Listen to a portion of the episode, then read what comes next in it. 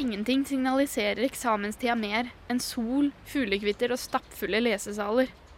Westerdals, som bygde ny skole for tre år siden, sliter allerede med plassmangel. Plassmangel, ja det er det jo. Fordi vi er 500 studenter.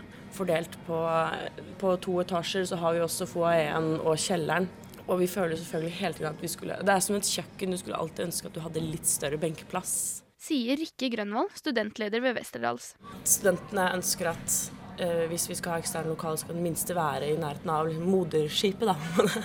Westerdals vil løse plassmangelen ved å leie plass i lokalet ved siden av skolen på Vulkan for en fireårsperiode. Vi er veldig fornøyd med dette bygget. Eh, dette er jo en eh, liten arkitektonisk perle, skreddersydd for kreative fag og vår pedagogikk.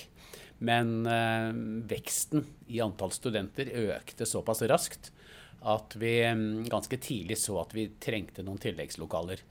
Det har vi nå eh, ervervet. Så vi har leid eh, i nabobygget til skolen ca. 400-500 nye kvadratmeter. Som vi nå holder på å innrede og gjøres tilgjengelig for oss i løpet av våren, regner jeg med. Sier Tom Quisle, rektor ved Westerdal. I løpet av sommeren skal Westerdals, Norges informasjonsteknologiske høgskole og Nordisk institutt for scene og studio fusjoneres til én skole hvor de vil samle alle de fem avdelingene i samme område, og helst i Vulkanområdet i Oslo.